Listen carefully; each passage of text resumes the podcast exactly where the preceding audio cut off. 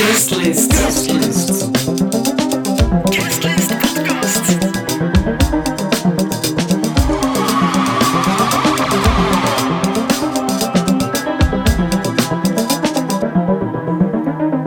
Hey, hallo en welkom in de maand juni en welkom bij Guestlist. Guestlist is de podcast van de Ancien Belgique en ik ben Rick de Bruiker en ik neem jou mee achter de schermen van de AB. En dat doe ik elke maand en jij luistert nu naar de laatste aflevering, de laatste aflevering voor we even in een uh, zomerslaap gaan. Maar geen zorgen, want je krijgt meer dan genoeg om te ontdekken in deze vijfde episode. In deze aflevering ga ik op zoek naar de new wave van de new wave van de new wave. Want je hebt het misschien zelf ook al gehoord, de klanken uit de jaren 80 die zijn helemaal terug. En dan heb ik het niet over Bruno Mars of Dua Lipa die om de zoveel tijd de talkbox of eh, een drumcomputer van 40 jaar oud terug boven halen. Nee, ik heb het over de kille klanken van de jaren 80, die waarin het allemaal wat steviger mocht, want de wereld die was toch al om zeep. Zoiets alleszins. Marcel van Tilt die neemt ons mee naar Brussel in de jaren 80. Een tijd zonder gsm's, TikTok en podcasts, maar wel met vrij radio, rellen in de AB en een heel pak goede Belgische muziek. En met Whispering Suns blik ik vooruit naar een uh, nieuwe plaat die op 18 juni uitkomt. Dus misschien hoor jij deze aflevering als die er al is. Ga die dan checken, die plaat. Maar we blikken ook vooruit naar een show in de AB eind dit jaar in december. Maar ik heb het met hen ook over witte schoenen op de foute plekken en de kille klanken van de postpunk anno 2021. Verder gaan we in deze aflevering ook uh, dieper in op dat EK-anthem van Bono, The Edge en Martin Garrix. En het kan weer, dus we sturen iemand naar een Belgisch zomerfestival voor een ongezouten review. En over reviews gesproken, jullie hadden er nog één te goed van de vorige aflevering. Brussel is een inwoner rijker en wij hebben er hier bij de AB een recensent of een reporter bij. Want Jawad Aloul die is voor ons naar een concert gaan kijken. Jawad is zanger, theatermaker, danser en dus onze kerstverse recensent. En hij beloofde in onze vorige episode om te gaan kijken naar Chou. Een online documentaire slash performance van de Franse muzikant Chassol op het kunstenfestival Des Arts. Eens checken hoe dat er juist aan toe ging. Hallo, dag Jawad. Alles goed met jou? Hey, ja, zeker. Daar? Met mij ook alles goed. En uh, ja, ik ben een beetje uh, aan, aan het rondkijken, want ik heb er wel beeld bij. De mensen thuis die horen jou alleen. Maar ik zie een andere achtergrond. Volgens mij ben jij verhuisd. Dat klopt. ik ben naar Brussel verhuisd. Zalig. We hadden het er vorige aflevering ook over, hè? dus uh, welkom. Ja, welkom in Brussel. Dankjewel, dankjewel. Hoe bevalt de stad al? Uh, ik voel mij al 100% Brusselaar.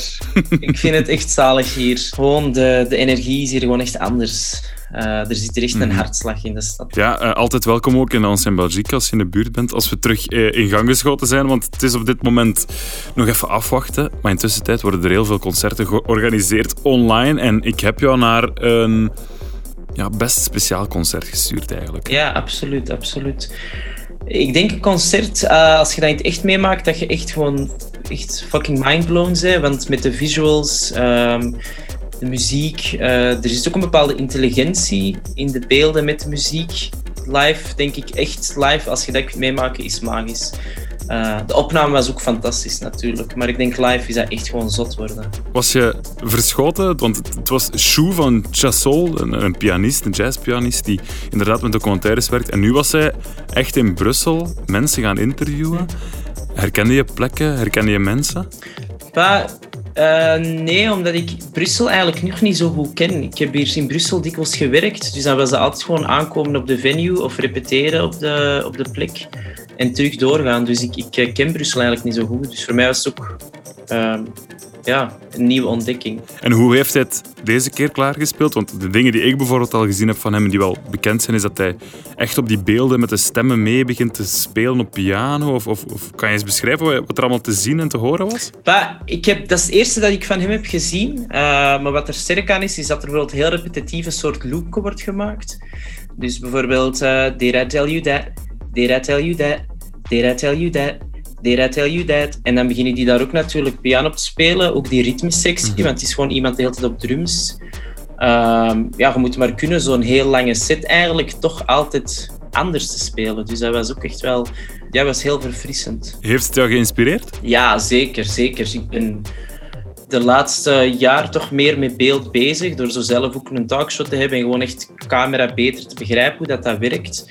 En ook wat voor zotte dingen dat je daarmee kunt doen. Dus als je dat kunt incorporeren in een voorstelling of een concert, dan, ja, dan kunnen mensen echt wel gewoon uh, God doen zien.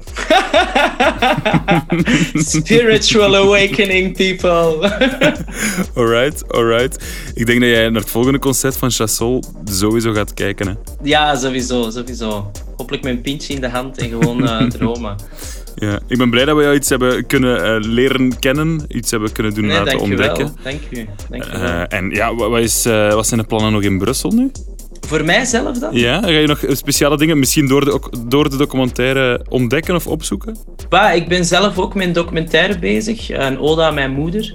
Um, maar dat is een, een, lang proces, want dat is ook even teruggraven en graven in mijn cultuur. Hoe Marokkaan ben ik nog en zo van die dingen. Maar ook vooral echt even gewoon Brussel ontdekken. Uh, vorig jaar hebben ze gezegd dat het de Roaring Twenties gingen worden, dus Ja. ik bring it on. Jij bent er klaar voor, sowieso. Zeker. Ik bedoel, als die Charleston-periode terugkomt en wij allemaal gewoon echt onze beginnen graaf op te kleden. Maar Brussel is sowieso iedereen graaf gekleed, dus dat is ook wel... Uh... Alright, ik heb het gevoel dat jij hier helemaal thuis gaat komen. Jawad, dikke merci dat ik jou mocht bellen. Merci voor de review. En uh, fijn dat je genoten hebt. Tot de volgende. Hè. Nee. Salut man. Yo.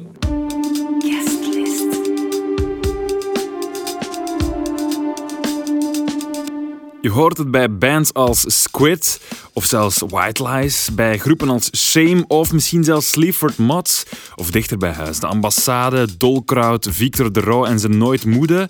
Le Chagrin de Quatre is helemaal terug. Jawel, de rauwe klanken van de jaren 80 die vullen nu ook weer hele concertzalen. Of die zullen in de toekomst terug concertzalen vullen.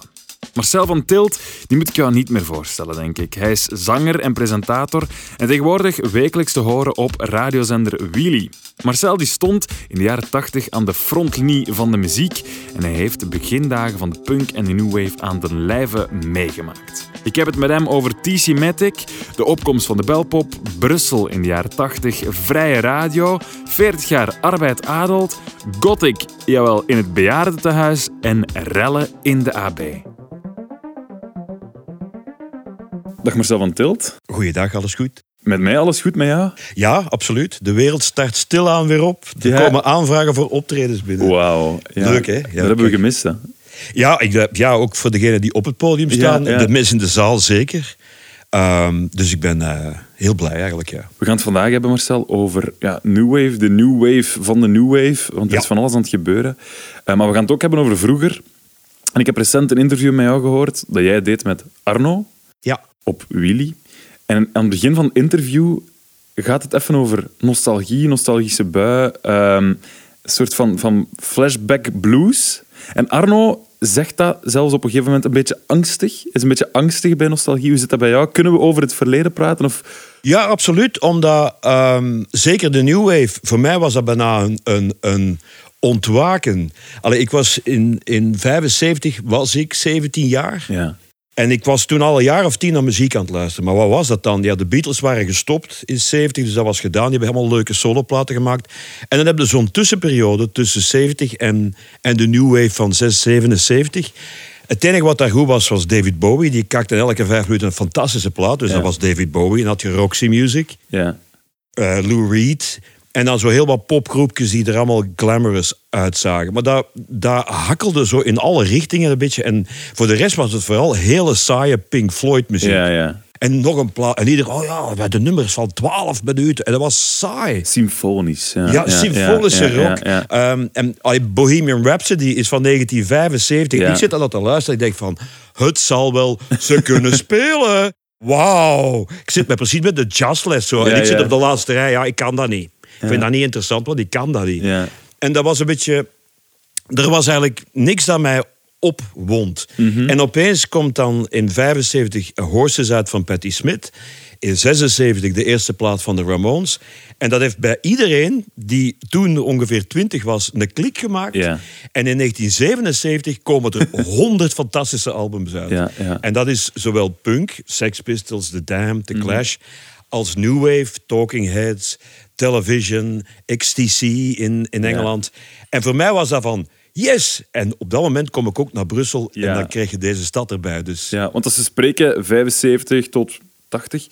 eh, als, als ik een beetje goed heb, heb gelezen, dan zat jij midden jaren 70 vooral veel op café. Ja. En daarover muziek te lullen. Ja, en, en platen te spelen ook. Ja. Eerst in Leopoldsburg. eh, ehm, ja, gewoon in een café met die... Met die dus precies komt dat wel terug, zo, van die natte bierkaartjes. Mensen smeten dan een nat bierkaartje. Loriet! Oké, oké, ik zal... eh, visjes! Ja. en dan viel die pint nog op de pick-up. Ja, en zo. ja, Echt ja, vreselijk. En ja, toen ook al heel veel discussiëren. Ik ben dan Arno tegengekomen eh, door een interview te doen met hen. En hij zei, ja, ik wil iets anders doen, want die een bluesrock van Jens Koud, ben dat beu, TC Matic. En toen ging- zag ik TC Matic voor de eerste keer. Dat is van, wauw, ah ja, ik ben mee. Dat is al 79, Ja, 80. ja. Dat was volledig New Wave. Dat is- Ja. pa- paste in de straat van Gang of Four en Talking Heads. Zo hoekige, melodieuze en toch dansbare, eh, toen hedendaagse muziek. En daar werd heel veel over. Ik heb veel met Arno in een auto gezeten. Ik heb nog een cassetje. Was ging nog met cassettes. Ja, hè. ja, ja. Hier is de nieuwe LP van Talking Heads. Die is nog beter dan die vorige. Ja. Eh, dus er werd heel veel geluld over muziek. Ja. Er valt ook veel te lullen over muziek, maar op dat moment natuurlijk, die, die, die punk en die new wave waar je over spreekt, dat was vooral ook een beetje een soort van... Ja, punk valt wel politiek te noemen, new wave iets minder. eh, maar het was een fuck you naar, naar, naar alles wat er, denk ik, op politiek vlak en in de maatschappij Ja. ook wel aan het gebeuren was. En tegen, tegen de... Ik herinner mij dat ik toen... Ik schreef toen ook voor bladjes zo, zo van... Ja, het moet maar eens gedaan zijn met al die Rolling Stones... die zo in aparte limousines in Vorst Nationaal aankomen... en dan elkaar niet eens goeiedag zeggen... en dan het concert van hun leven spelen voor 5 miljoen dollar. Dat kan ik ook. Ja. En dan weer naar een aparte hotel. Zo de, tegen de muziekindustrie. Zo die grootheid... eh, en, en die, ja, die bacchanalen van die... Queen stond er bekend voor om... Het was altijd een baganaal en er liepen bij wijze van spreken dwergen rond op hun platenvoorspelling met kook op hun hoofd. Ja, dat zijn ja, van die verhalen. Ze van, allee, waar is dat allemaal goed voor? Allee, kan het niet ergens over gaan? Mhm. Ja, en dan had je dus de geniale John, John, Johnny Rotten, John Lydon, Mhm. die met een t-shirt, die zo begonnen is, met een t-shirt rondliep van Pink Floyd, wat daarboven geschreven had, I hate Pink Floyd. ja, en die ja. liep zo in Londen rond en iedereen zei van, hey, ik ook. en, dan, en dan begon het. Ik herinner me dat wel. Enfin, ik kwam uit Leopoldsburg om te studeren in Brussel. Mhm. Eind jaren zeventig. Ik heb dan, ben dan gestopt in mijn derde jaar, maar dat waren mensen van Dunif. Ja, die gewoon, dat was geen werk. Dus Nee. die krijgen dan zo BTK, bijzonder tijdelijk kader. Eh, Ja. Ik denk dat Cas van der Talen van La Vie Belle en nu politicus. eh, ja, die heeft zo twee jaar tegen een hongerloon in de bibliotheek gewerkt. Ja. Om, ja, omdat dat het was. Hij was historicus, ja, eh, dus hij vond ook geen ander werk. Nee.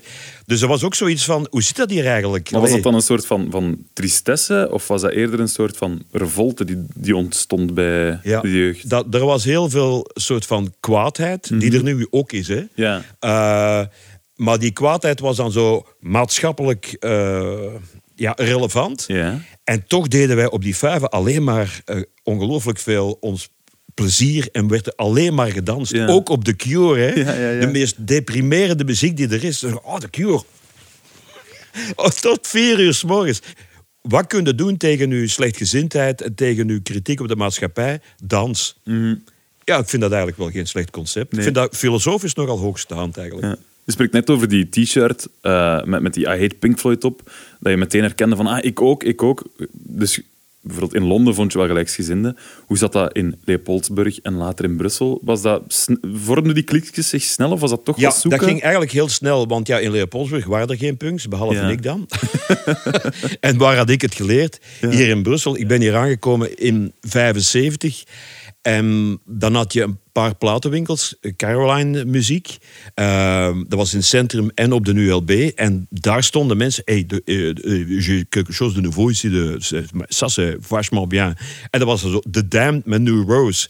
En de week nadien stonden er al twee andere gasten, zo met hun haar plat achteruit en een toespel in een, in een donker brilletje van twee frank en half. Ah, coole look. En dat werd heel rap zo van, ah, Ja. ik ken u, jij vindt dat ook tof. En die kwamen dan, eh, de Brusselse punks, allee, waar ik dan als Vlaam, Vlaam, Vlaamstalige ook wat bij hoorde, Eh, die kwamen in, hier vlakbij Place Saint-Jean in een café in de straat. In de straat, dat heette Café au Coin. Maar dat was in het midden van de straat. en daar was eigenlijk niks aan, maar daar draaide ze die muziek. En dat ging eigenlijk heel snel, 75, 76. Maar de AB bijvoorbeeld, ja, die werd alleen maar gehuurd voor concerten. Dat was Ja. geen cultureel centrum zoals Nee, dat nu nee. is. En daar zijn natuurlijk heel veel legendarische concerten. Ja. ja, The Clash, wat heb ik helemaal gezien? Het legendarische concert van Costello. Was jij erbij bij Suicide en Ja, Costello? Ja, ja, absoluut. Want ik ben toen naar hier gekomen om Suicide te interviewen. Want dat vond ik ook geweldig. Ja, ook dat, hè. Gewoon een rhythmbox die overstuurd was met een gast die daar zo'n beetje Farfisa-orgel op speelt. En gast, ja. "Oh, Johnny, Johnny. Allee, dat was zo van, that's is not 19 fucking dat is Pink Floyd, snap je? 1978, er is heel veel verteld over dat concert. Ja. Wat, wat is jouw versie van de feiten? Wat is er toen gebeurd in de zaal? Uh, dat publiek was gewoon heel erg uh, voor Costello. En Suicide is de meest on-Costello muziek ter wereld. Dat Ja. was, Maar die ik stonden vond in het voorprogramma natuurlijk. Die stonden in het voorprogramma en eh, de mensen in de zaal kenden die plaat niet. Maar die plaat was echt geniaal goed. Maar natuurlijk totaal deprimerend en zo... Ja, echt fun was dat niet, dat plaatje. en dus kom- die willen dus Costello zien. Die zeggen... Oh, oh, oh, oh, I don't want to go to Chelsea. Van die echt super perfect popsongs. Ja. Kort en krachtig. En dan komen zo twee weirdo's met lang haar op. Die... Johnny, Johnny, Johnny. En heel die zaal, wat is dat? En dat was boe, boe, boe, boe. En ja, de microfoon werd afgepakt en, en Costello was heel kwaad. En dat concert heeft 23 minuten geduurd, want dat is legendarisch op YouTube. Ja, ja. En eh, eh, toen ben ik Suicide gaan interviewen onder het podium. En die gasten zeiden, ja, it's uh, every day the same with this tour. Zo van die gasten zo van, we hadden beter een andere groep gepakt. Of Maar ja, Costello was super populair, de AB Ja, ja. was uitverkocht. Maar Costello was pissed off, want die wilde echt, die vond Mhm. was Suicide wel heel goed. Suicide, ja. ja en, en hij heeft dus gewoon zijn set gespeeld, geen minuut meer, dus ook maar 44, 45 minuten. En heeft dan gewoon, ik weet niet, gezegd, fuck you, Brussels, weggegaan en kwam niet meer terug. En dan is hier dus een, ja, een volksopstand ontstaan. Ja. Ze kregen de mensen de zaal niet uit, de mensen dan uit de zaal geduwd. Ja. Toen kregen ze nog glazen eh, bier Ja. uit glas. En dan hebben ze hier vooraan was zo'n grote eh, in lood glasraam, Mhm. volledig gesneuveld. Met al dat, al dat bier werd gegooid naar daar. Oh. Politie is erop afgekomen, waterkanon. Wij zaten hier tegenover in het vermoeden. En dat was echt, echt there's a riot going on. Zo. Echt heerlijk. Maar ja, het was ook meer zo van, het is eens plezant om ook eens een riot in Brussel te hebben. Mhm. Ja. Maar eigenlijk om de foute reden, want Suicide was heel goed. Ja, ja. ja, Brussel eind jaren 70, maar dan vooral ook naar begin jaren 80, werd wel echt een beetje de hotspot van, van de new wave, van de bands. Ja. Hoe kwam dat, denk je, dat dat in Brussel gebeurde? Ik heb geen idee. Ik heb eigenlijk geen idee. Uh, maar waarom? Ik denk dat het misschien een goede mix was van... Ja, het centrum van Europa, eh, een aantal echte hele goede platenwinkels. En dat iedereen opeens zelf begon. En ik denk ook een aantal goede entrepreneurs. Dat wil zeggen, bijvoorbeeld Gilles Verlaan was een concertorganisator. Ja. Die deed grotere concerten. Ik denk zelfs dat hij ook Bowie organiseerde. Maar die had... Die was toen ook maar 21 of 22. Die had een heel groot gevoel voor die New Wave. Ja. En dus die begon heel snel al... Ja, de Human League, ergens in een klein café in, in Vorst of in Ukkel was dat, geloof ik. Eh, en ook hier de Clash te organiseren. En dat was boomvol. Ja. Eh, wat ik ook nog leuk vond in die tijd was dat de organisator kwam dan voor het concert op het podium. Ja, ja, en de- die kwam dan zeggen wat er de volgende week ging komen. Zo van, Ja. Ah, bonsoir Bruxelles. Euh, La semaine prochaine, on les Clash. Et après le Damned. In de Et- opname van Suicide hoor je dat helemaal aan het begin van, van dat Dat is toch concert. geweldig? Dat is waar. En vooral die Franstaligen die dan ook in Engels konden. Ik heb, heb de, die, die Roxy Muziek, eh, die spraken al die namen verkeerd uit. Ik heb eens Ja. horen zeggen op het grote podium in In het voorprogramma van Roxy Muziek. Hey, la semaine prochaine, on a les Yes. Les Yes. Slag nergens op. Die groep heet Yes. Ja, die heet niet Les Yes. Maar enfin, Ja, maar ik denk ook dat je had organisatoren eh, en je had ook de VUB en Franstalig aan de ULB. Ja, kleine fanzines, wat dat gebeurde in Londen ook. Ja, ja, de Eh, ik zat ook bij zo'n blad. Dus je ja. had zo de organisatoren, je had fanzines... En dan heb je direct zes man die zegt, "Oh, ik pak ook eens een basgitaar vast, Ja. doe me doem. En je, je hebt, En en je hebt groepen. Ja, ja, dus je had echt heel kort, heel snel eigenlijk een scene. Ja, want wat je zegt, zo het werd aan het begin van dat concert afgeroepen, deze en deze en deze komen. Er hingen, er, er hingen wel posters in de straat, maar bijvoorbeeld afspreken onderling. Nu heb je Facebook, Messenger, Ja. WhatsApp en ik weet niet wat nog allemaal. Ja. In, in de documentaire van Arno die net uit is, die charlatan, zegt hij het ook. Ja, toen mensen kwamen gewoon bij elkaar over de vloer. De ijskast stond voor iedereen open. Ja. Was dat echt een totaal andere vibe dan, dan dat we nu hebben? Ja, ik denk het wel, want de communicatie... Allee, eh, de meeste mensen van 20 jaar hadden geen telefoon op hun kot. Een telefoon hebben, dat is duur. Hè? Ja, zeggen, dan moest je een abonnement nemen bij de RTT. Dus ja, die hadden, die waren niet, de meeste mensen waren niet bereikbaar. Eh, ik had hier op mijn appartement van de Van Achterveldenstraat een telefoon. Dat was mijn eerste telefoon. En hoe oud was ik toen? 22 jaar. Met een antwoordapparaat. Maar ik was nooit thuis. ik kwam dan om één uur s'nachts thuis. En zag ik, oh, zes berichten. Want die dat lampje ging dat Ja, zes ja. keer aan en uit. en dacht ik, ah ja, die had ik dus straks gezien. Dat was Willy. Ja, die heb ik ook gezien. Ja, enfin, kijk, niemand. Ik heb die allemaal al gezien op café. En dan, ja, eh, je ging dan op de VEB naar het Cultuurcafé. Of hier om de hoek in de DNA. Mhm. Of in de Falstaff. En daar zaten daar mensen. Ja. Je spreekt over, over die initiatieven ook, hè. Die, zo, die, die organisatoren. Je hebt dan verschillende bars hier in Brussel eh, waar dingen gebeurden. eh, platenwinkels. Maar jij hebt ook met, met Juste Koster dan onder andere ook eh, FM Brussel Ja. opgestart, radiozender. Ja. Kan je even uitleggen wat het, wat het dat was en wat het dat belang was van FM Brussel op dat moment? Ja, dat was nog, het, nog, het, nog je had dus de, de organisatoren van concerten, magazines, heel veel muziekgroepen. En dan had je opeens, dat kwam allemaal samen. Hoe dat, dat komt, dat is puur toeval, denk Ja. ik. Dat idee van die vrije radio's. Dus we, ik pas aan het schrijven dan voor zo'n voor zo'n fanzine, dat heette RIF. En daar zegt iemand ergens op een redactievergadering... Zeg, ik ben iemand tegengekomen, die heeft gewoon een radiostation in zijn kelder. Wat? Een radiostation? Misschien moeten wij met al die platen die we hebben... gewoon wat programma's Ja, gaan ja. maken. Dus we contacteren. Oei, ze hebben een Franstalige uit, uit Laken. En dus, ja... Eh, en dat liep ook volledig uit de hand. Ik wil zeggen, eerst, de eerste week had ik twee uur radio... maar dat werd opgenomen op cassette... Die cassette werd ingestoken in een cassettespeler met een timer. En dan Ja. gingen wij weg. Ja. Want als de politie binnenkomt, Mocht er niemand zijn. dan Ja. mocht er niemand zijn, want dat was een gevangenisstraf. Hè? Dat is illegaal uitzenden. Ja, ja, ja. En dan sprong dat aan. Dat is piraterij. Ja. Enfin, na twee weken was Guus de Koster daarbij. En na drie weken was halve de VUB zat erop. en na vier weken hadden wij gewoon een 24 uur per dag radiostation. Op basis van niks. Eh, en dat had goed bereik. Maar als gevolg, ja, we hadden ook geen geld. Wat gaan we doen? Ja, we organiseren vuiven in de AB. Die staat toch leeg. En dat was direct zo 2000 man op zo'n vijf. Ja, dan hadden we geld. Oké, dan gaan we een, een leuker appartement huren voor de studio. En Ja. dan kopen we ons eens een echte pick-up. Ja. en nog een en nog een. En, en, eh, en dat hielp ook, want dan draaiden we al, die, ja. al die plaatjes. Want die- de meeste van de New Wave platen kwamen uit in eigen beheer. Hè, of op En die werden ook niet gedraaid, denk ik, dan op de, ja, de openbare omroep waarschijnlijk. Nee, alleen Guus de Koster, Ja. woensdagnamiddag. Die Ja. had zijn BRT2-programma. Mhm, Ja. ja, ik denk, allee, we zitten in de AB, eh we kunnen er niet omheen. De rockrally is denk ik ook wel echt belangrijk geweest Ja. in heel die scene, in heel, dat die groter werd en groter werd. Heel veel bands die in die, die new wave klanken eh, aan het experimenteren waren toen ze hier in de rockrally stonden in de jaren tachtig, toch? Ja. En, en ook, eh, ik denk ook dat de Rock Rally er ook een beetje door gekomen is, omdat die New Wave er was. Alleen Ja. eerst in Engeland en Amerika en dan ook hier. Dat ze voelden bij Humo, wauw, er is hier wel een hele nouvelle vaak, enfin, om niet te vaak New Ja, Wave te ja. zeggen, van, van bands die heel Ja. anders spelen dan, dan Pink Floyd en, en Boston en al die dingen van de vroege jaren Mhm. zeventig. En Leyes. En Leyes, inderdaad. Eh, misschien moeten we daar wel iets mee doen. Want zij zijn begonnen in 78, denk ik, met de eerste. Ja, dus dat is midden erin, hè? tuurlijk. En de tweede in 80. En ja, in 80 was ik hier, dat was met de Machines. Mhm. Ja, dat is zo'n soort van talking heads-achtige, funky, maar toch catchy popsongs. Ja. Maar toch zo'n beetje raar, met een hoek af. En je had ook van die, van die conceptgroepen die ik altijd goed vond. Le, le, Morceau duur. De, de harde klontjes. Ja. Dat we de gasten met zo'n witte overal zien. Ja, geweldig.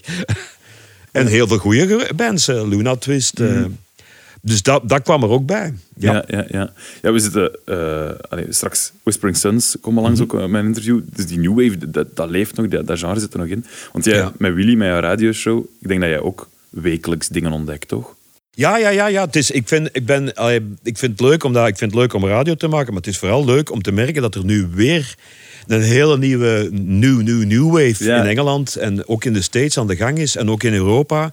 Van mensen die weer zeggen van mannetjes, eh, de hip-hop en de metal hebben we nu wel gehad. er is weer tijd voor, voor iets, ja, iets hoekiger, iets interessanter. Ja. En ik vind het heel tof. Ja, er is heel veel eh, ehm, dat uitkomt. En ik probeer ook zoveel mogelijk Belgische dingen te draaien. En eh, je merkt dan aan de reacties... de- oh, dank je, merci, merci, merci. En dan weten ze. Die gaan vanavond zo goed repeteren. Die maken een extra nieuw nummer. Dus dat stimuleert elkaar. Dat en dat vind ik echt heel goed. Allee, Ja. Je hebt daar langs, naast die, die nieuwe band, heb je zo, zeker ook in die New Wave, zo'n heel circuit met zo'n soort van revival feesten en festivals. Hoe kijk je daarnaar? ja. ehm, Want dat is echt een heel specifiek publiek. Mensen Ja. die nog eens de zwarte t-shirt en de lange uit de kast halen. Ja, ik vind dat wel schattig. Nostalgie verkoopt. Hè. Ja. Ik zit gewoon te wachten eh, tot dat er, eh, ja, in mijn geval dus ook bejaarden- en verzorgingscentra zullen zijn die volledig... Ik wil naar een got- een gothic woon- en zorgcentrum waar al de verpleegsters met zwarte netkousen en zwarte markade... Ah, je zei, the devil in disguise. Yes, yes. Keten mij maar aan de muur en zet dan mijn picuur.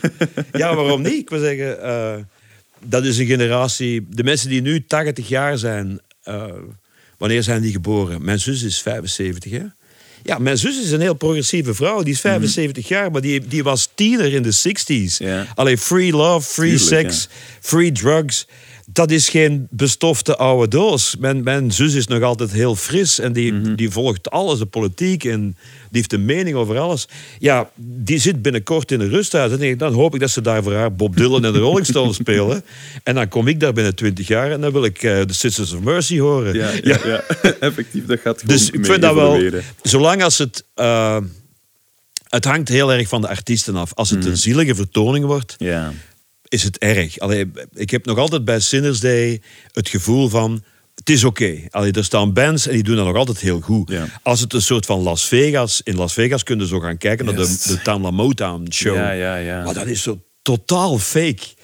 Of Ah, dat de ik- hologram van Elvis. Of Is de hologram van. Elvis Ja. of de Elvis... Dan denk ik, nee, maar dat wil ik niet zien. Allee, dan ga ik liever naar de kermis en laat het dan maar gewoon Reggie zijn. Dat is tenminste recht op de snee. hè. Reggie wil niet anders zijn dan dat. Wel, dat is hem. Om dan zo iets wat goed is na te doen... Allee, ik hou allee, al de Michael Jackson clones, ik word daar echt ziek van. Mhm. En ik vrees, misschien op een dag zullen er ook Cure-clones komen. Ja. Omdat dat is, ja, dat is ook zo'n monument. Ja, want hoe zit dat met die nieuwe bands? We hebben straks Whispering Suns lang. Die krijgen denk ik continu die vergelijkingen naar hun hoofd gesmeten. Waarschijnlijk tot vervelens toe Ja. voor hen zelf. Maar het is geen clone, hè. Het is... Nee, natuurlijk niet. Ik, ik, ik, wat is dat nu? Ik wil zeggen... ehm, ehm, ah, je kunt dat ook zeggen over stuff. Die Ja. dan, is, dat, is, dat, is dat een jazzband? Is dat een electro? Is dat prog rock? Ja. ja, dat is dat allemaal samen. En die doen daar hun ding mee. En is dat dan goed? Ja, ik vind dat heel goed. En dan kun je dat zeggen, ja, maar dat is eigenlijk een beetje eh, Van der Graaf-generator. Ja, hè, Zo'n ja, een rare, maffe groep uit de eind 60s. Ja, en, en wat dan nog? Dat maakt toch niet uit? Ja. Alleen, Past- niemand de heeft de muziek... New Wave dan bijvoorbeeld nog op Wat, die nieuwe... Past de titel New Wave dan nog op die, op die nieuwe band? Ja, in Engeland praten ze nu voortdurend over post-punk. Dus Mhm, ja. als het maar een naam heeft, snap je? Voor mij dan is dat dan post-punk, ja. Ja. Of punk-post. Maakt niet uit. post-it. Ja, ja, Ja, ja, ja. iets. ja, om te- omdat je dan zegt, ja, New Wave is dat van 77 tot begin jaren 80.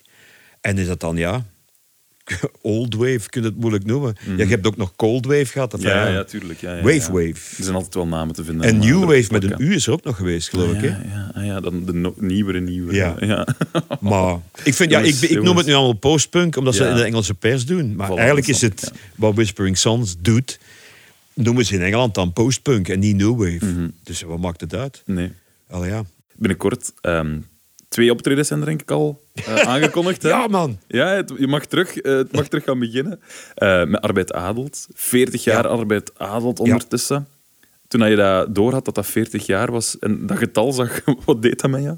Uh, uh, ja, maar dat is nu continu. Eén keer Ja. als je 60 wordt, Ah ja, is dat continu zo van. Vieringen. Het is al... Ja, allee, ik zit nu bij Willy. Die mensen zijn allemaal 40. Ja. Dus die hun jeugd is de jaren 90. En de, allee, dan bel die zo van... Zeg, eh, we hebben hier nog een plaatje. dat is zo van... Oh ja, ja. En voor mij is het allemaal gisteren. Ja. Maar dat blijkt dat 35 jaar geleden te zijn. En dat is zo... Ja, je kunt daar niks aan doen. Ik vind het enige goede eraan is, is dat... Ja, voor mij stil, the best is yet to come. Zo. Ik vind veel slecht dat we gedaan hebben. Ik vind ook, ben ook trots op hetgeen dat we gedaan hebben. Maar ik denk, oh man, dat was zo slecht. Doe dat weg, doe dat weg. Ja. Ik ga morgen iets maken dat beter is. En zolang als je die goesting blijft hebben... Ook door die postpunkgroepen uit Engeland. Ja, denk van, ja, dat wil ik terug. Ik wil gelijk snap de enkels. Tak, tak, tak, tak, tak. En met zo compleet van de pot gerukte teksten. Ehm, dus ja, dus ik ben daar blij om. Ik heb de indruk dat ik nu meer verstand heb. En levert dat op bij het muziek maken? Nee. ik dacht dat ik toen ik 19 was ook heel slim was. En dat blijft hetzelfde eigenlijk. maar nu weet ik het. Dat is helemaal, je weet het nooit. Nee, nee, nee. Maar de goesting blijft, dat vind ik wel tof. En ik heb ook de indruk dat eh, het publiek wordt altijd maar groter. Hè? Want ja, die mensen die nu ouder worden, mijn zus van 70, als ik zeg ik heb tickets voor u voor Fleetwood Mac, dan zegt hij yes! Ja. Ja. natuurlijk. Die vindt dat geweldig.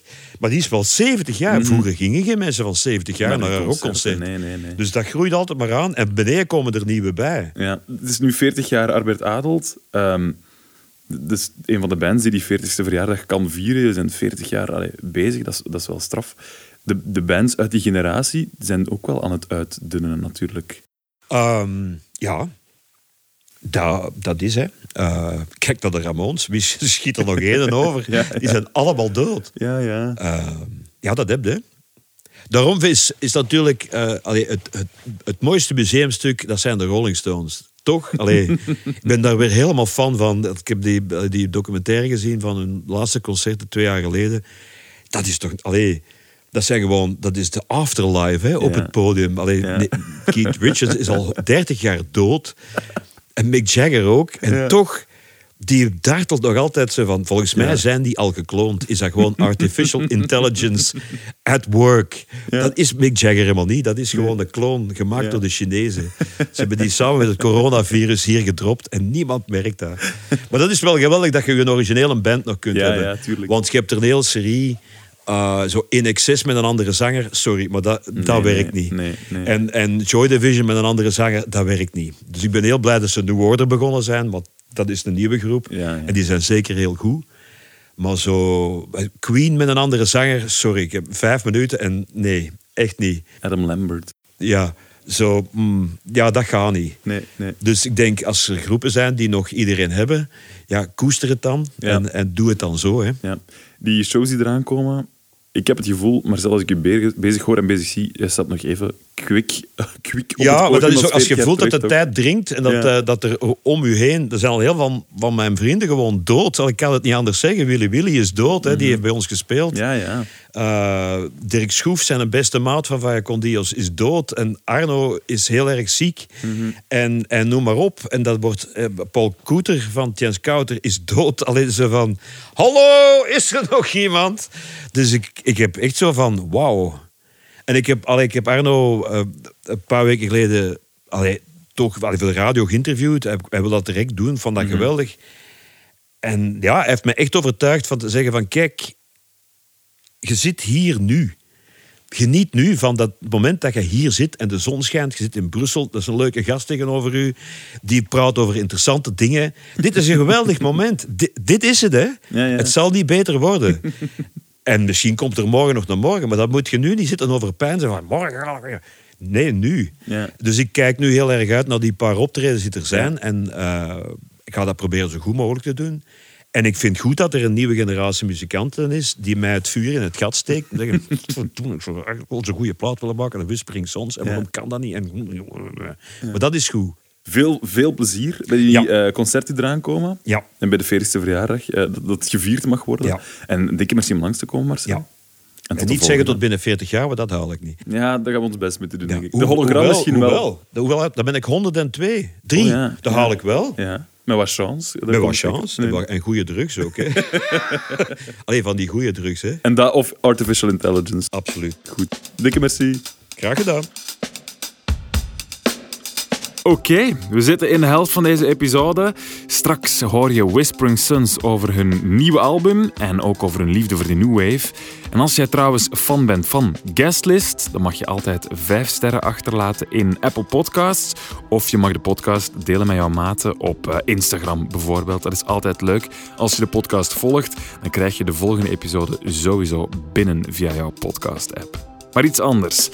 Je hebt het misschien al gehoord. De nu al opvallendste collab van het jaar die komt uit de voetbal. Want voor het EK 2021 gingen Bono en zijn Matty The Edge aan de slag met de Nederlandse prins van de EDM, Martin Garrix.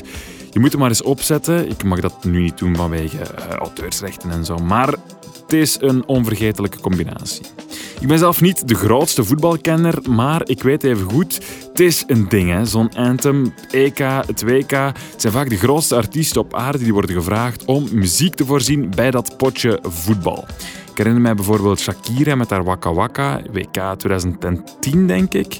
Of hier bij ons niemand minder dan Sergio, die de Rode Duivels letterlijk naar de overwinning probeerde te schreeuwen. Maar is dat dan zo belangrijk, zo'n anthem? Ik vraag het aan Maarten Verdood, oud-journalist bij Brus en hoofdcommunicatie bij de voetbalploeg Union Saint-Gilles. Lisa Smolders, DJ bij Brus, groot muziekliefhebber en oud-stadion-DJ bij Den Anderlecht. Max Gadijnen, communicatiemanager hier bij de AB en de man achter de podcast Stade, een podcast over muziek en voetbal. En Kautar El Alouche, de frisse ochtend-DJ bij MNM. Ik bel hen op met de vraag: WK-anthems, EK-anthems, zwart voetbal-anthems, zijn die overrated of underrated? Oké, ik ga het standpunt innemen overrated.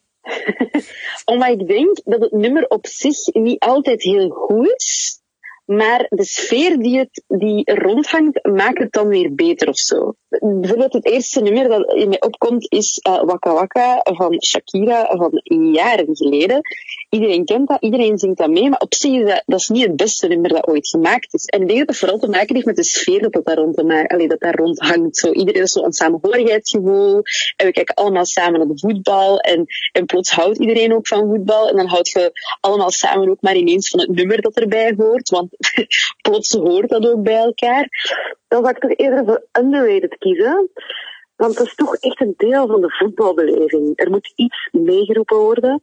Stel dat dan zo'n track is met Shakira of zo, ja, is te beter. Moeilijke vraag, maar ik denk underrated. Ik denk dat het soms een heel grote kracht kan hebben. Ik ben ooit fan geworden van, van, van eh, het Europees kampioenschap, bijvoorbeeld van het EK, door het Euro 2004, door de, de song van Nelly Furtado, Forza. Dus een Portugese song, dat was in Portugal toen. Dus ik vond dat dat toen heel uh, grote symboliek wel had en um, wel opzwepend kan werken. Dus ik vind, ik vind ze soms eens underrated, veel voetbalsongs. In de tijd dat ik de DJ mocht zijn voor Anderlecht, dat er wel de vraag um, werd gesteld van, ga, dat laatste kwartier, dan komen de spelers op het veld. En je wilt die ook een beetje opjutten. Dus ja, één, kan, kunnen de BPM's omhoog gaan. En twee, kunnen dan wel muziek draaien een beetje van hun tijd. Vaak zit je dan classics te knallen, vooral die 40ers, 50ers families in dat stadion. Maar die gastjes op het veld, die zijn allemaal 20 of, of in de 20, laten we zeggen. Dus dat moest ik zo, dat is wel interessant, muzikaal, moest ik zo even een bocht maken naar dat soort van hedendaagse meer uh, hits die dan toch iedereen kende en waarin die spanning zo zat. Ja, ik denk dat eerst en vooral wel simpel zijn. Moet zoiets zijn waar iedereen, iedereen kan meezingen. Uh, en zoiets waarbij dat er op een bepaald moment het, het, het een beetje kan los, losbarsten en iedereen gewoon samen kan meezingen. En dat eigenlijk niet per se dat je de tekst ook niet hoeft te kennen of zo. En ik denk dat een voetbalanthem dat wel nodig heeft. Want wie heeft er tijdens een match tijd om eens goed na te denken welke diepzinnige tekst er gezongen wordt. En het moet vooral blijven hangen, want dat heb ik nu wel met het nummer van Bono wel eigenlijk niet echt. Door corona zijn we iets minder in uh, toernooimoed al. Hè. Je merkt dat aan alles, hè. ook commercieel en zo. En, en, en iedereen is zo wat minder snel. En ik denk dat dat misschien, misschien in het nadeel gaat spelen van die song denk ik wel. Want ik heb, ik heb hem nog niet gehoord en dat is raar. Maar dat is omdat ik nog niet in EK-modus ben. Het zijn vaak ook uh, onnozele nummers of nummers die zo verbonden blijven. Ik denk bijvoorbeeld aan Go West van de Rode Duivels in 94, waarin de Rode Duivels uh, van dat moment zelf allemaal een, een stukje zingen. Ja, dat is natuurlijk goud waard. Is dat dan ook echt muziek? Misschien meer, maar je kunt het wel meezingen en je gaat het wel opzetten, misschien op een oude cassette of een cd, of nu dan op YouTube nog eens opzetten, om dat nog eens te beleven en, en, en daarmee te, ja, te lachen en die herinneringen op te halen. Dus ja, dat is toch wel, dat is toch wel iets, iets wat het leven weer leuker maakt. Uh, tijdens zo'n toernooi hoort dat erbij en, en dan savoureert je dat helemaal. En dan denk je daar ook niet zo vaak meer, of, of toch niet zo met trots of zo, of, of, aan, aan terug. Maar dat is gewoon in dat moment is dat heel toepasselijk. En dan is dat weer gaan vliegen. Dat zijn ook zelden blijvers omdat het goede liedjes zijn, maar gewoon omdat jullie terugdenken aan die zomer met dat EK voetbal of dat WK. Liederen die, die uh, vanuit de fans vertrekken, die vind ik echt wel geweldig. Uh, bij Roy Davids is dat dan uh, Freak from Desire van Gala of uh, L'Estata uh, Staffinetto van Rigiera bij No. Dat zijn allemaal voorbeelden. Ja, dat zijn songs die dat door supporters echt wel geclaimd worden. En zij geven daar een, uh, die betekenis aan. En ze gaan die ook weer een tweede leven leiden. In het geval dan, uh, dat je toch vraagt van Union, is dan toch wel, doordat er zoveel meer dan op andere tribunes gezongen wordt, trekt het ook meer mensen aan die misschien iets minder hebben met voetbal. Maar gewoon ook iets hebben van, er wordt daar gezongen, er zijn deuntjes die ik herken, en dat is heel leuk, ik pak daar een pint bij en ik ben helemaal mee. Ja, muziek is uh, onmisbaar in je voetbalbeleving. Um, ik denk dat het laatste seizoen ook wel een goed voorbeeld zo was daarvan. Um, heel veel ploegen ja, geen thuisvoordeel meer hebben, doordat ze die kracht van het publiek niet meer voelen. Bezoekende ploegen um, hebben het ook wel makkelijker op die matchen verplaatsen. En dat is iets dat, dat tijdens een match um, van ontzettend belang is. Echt wel een onmisbare factor. Muziek evolueert continu. Wat nu één is, is morgen uit, maar komt overmorgen misschien gewoon weer terug. En wat nu terug is op dit moment, dat weet je intussen, dat is de sound van de jaren 80. Hier in België hebben we zelfs een band met een enorm internationale allure, Whispering Suns. Een sound die wordt vaak vergeleken met bands als Joy Division of The Cure, maar ze hebben meer dan genoeg eigen smoel en dat bewijzen ze deze maand nog maar eens met een nieuw album, Several Others, dat uitkomt op 18 juni. Ik heb het met frontvrouw Fenne Kuppes en gitarist Ko Belijnen over New Wave als inspiratie, de soms verstikkende regeltjes van een scene, hun eigen sentimental label en de stress die komt kijken bij een tweede plaat. Alright, goedemiddag. Dag Fenne, dag Kobe. Hallo. Middag. Hallo, alles goed met jullie? Zeker. Ja. Absoluut. Ja, jullie zijn aan het stralen eigenlijk, aan het lachen, maar ik denk dat dat ook wel mag, want de plaat is er nog niet. Komt heel binnenkort uit, maar ze is af, toch? Het is al heel lang af zelfs. Te lang. Al lang Te aan het lang. wachten waarschijnlijk Ja, nu. absoluut. Ja, ja. Hoe, hoe was dat gevoel als die er lag? Als de, als, als de muziek, de wafjes doorgestuurd zijn naar, eh, naar de mastering, hoe voelt dat dan? Het voelde goed. Ehm, niet per se een bepaald gevoel erbij of zo. Het was wel een speciaal jaar toen we de plaat hebben opgenomen. Dus eigenlijk, we waren niet zoveel aan het doen buiten gewoon de, de, de nummers schrijven, de plaat opnemen en dan uiteindelijk afwerking. Dat we enkel gewoon daarop gefocust waren. Dus we zaten wel redelijk gewoon, we waren met het proces mee of zo. We waren niet van, oké, we zijn die shows het spelen en dan komen de mixen binnen Ja. of zo. We konden ons er wel goed op focussen, dus Ja.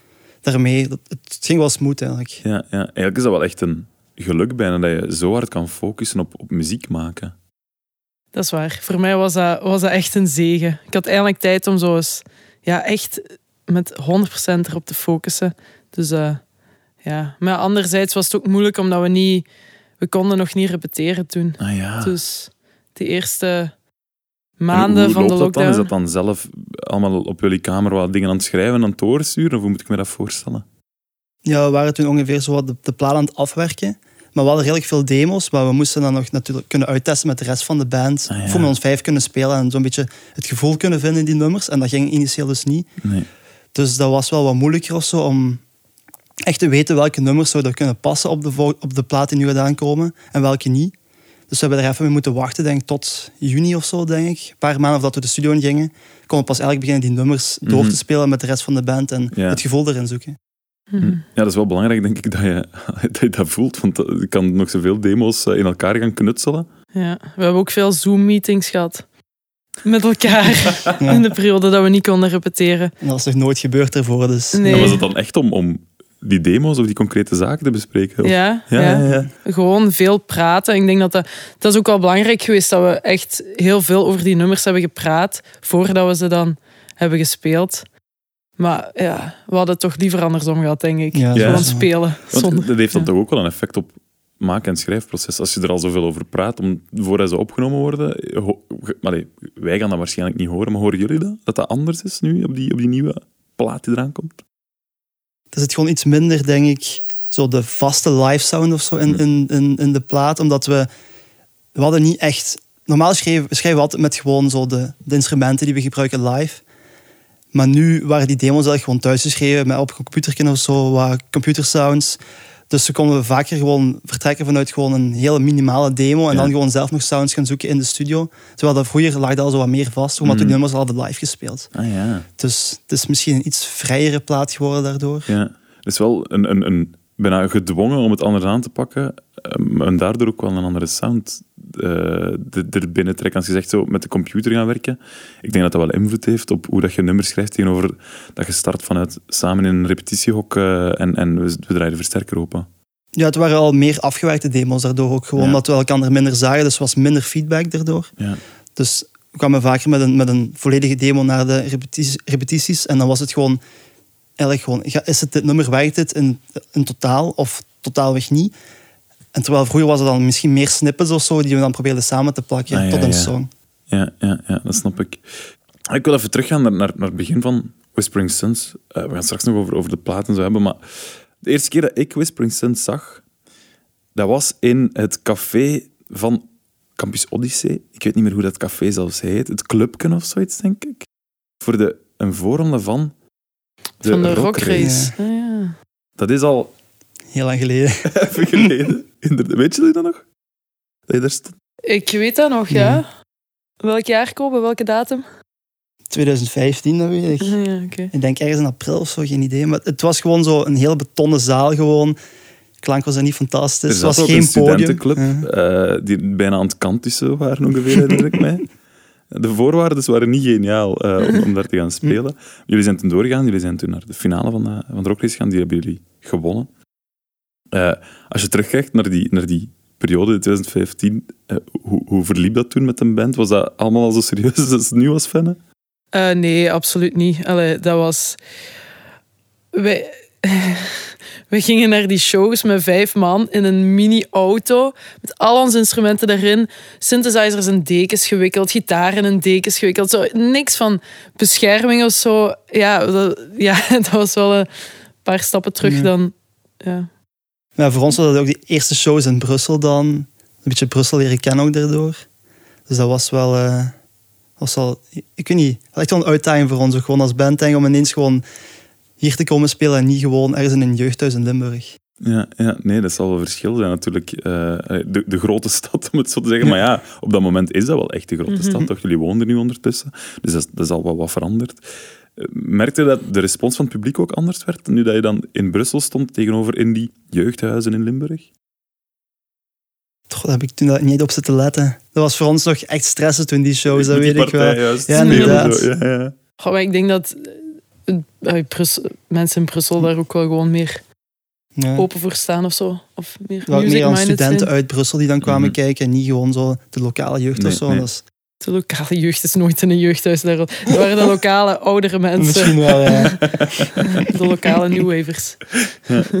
Ja, Fenne, eh, op die, die vijf jaar tijd denk ik dat jij ook enorm gegroeid bent als frontvrouw bij Whispering Suns. Tegenover toen en tegenover nu.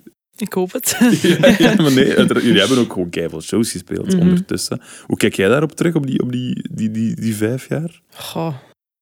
Ik weet dat ik in het begin echt gewoon als een paal achter mijn microfoon stond en niet niks durfde te doen. En ik denk dat in de periode van de rockreis dat ik zo ben stilaan ben beginnen zo rondbewegen op een podium. En dan is ja alleen maar vooruit of achteruit gegaan. Het is hoe dat je het bekijkt.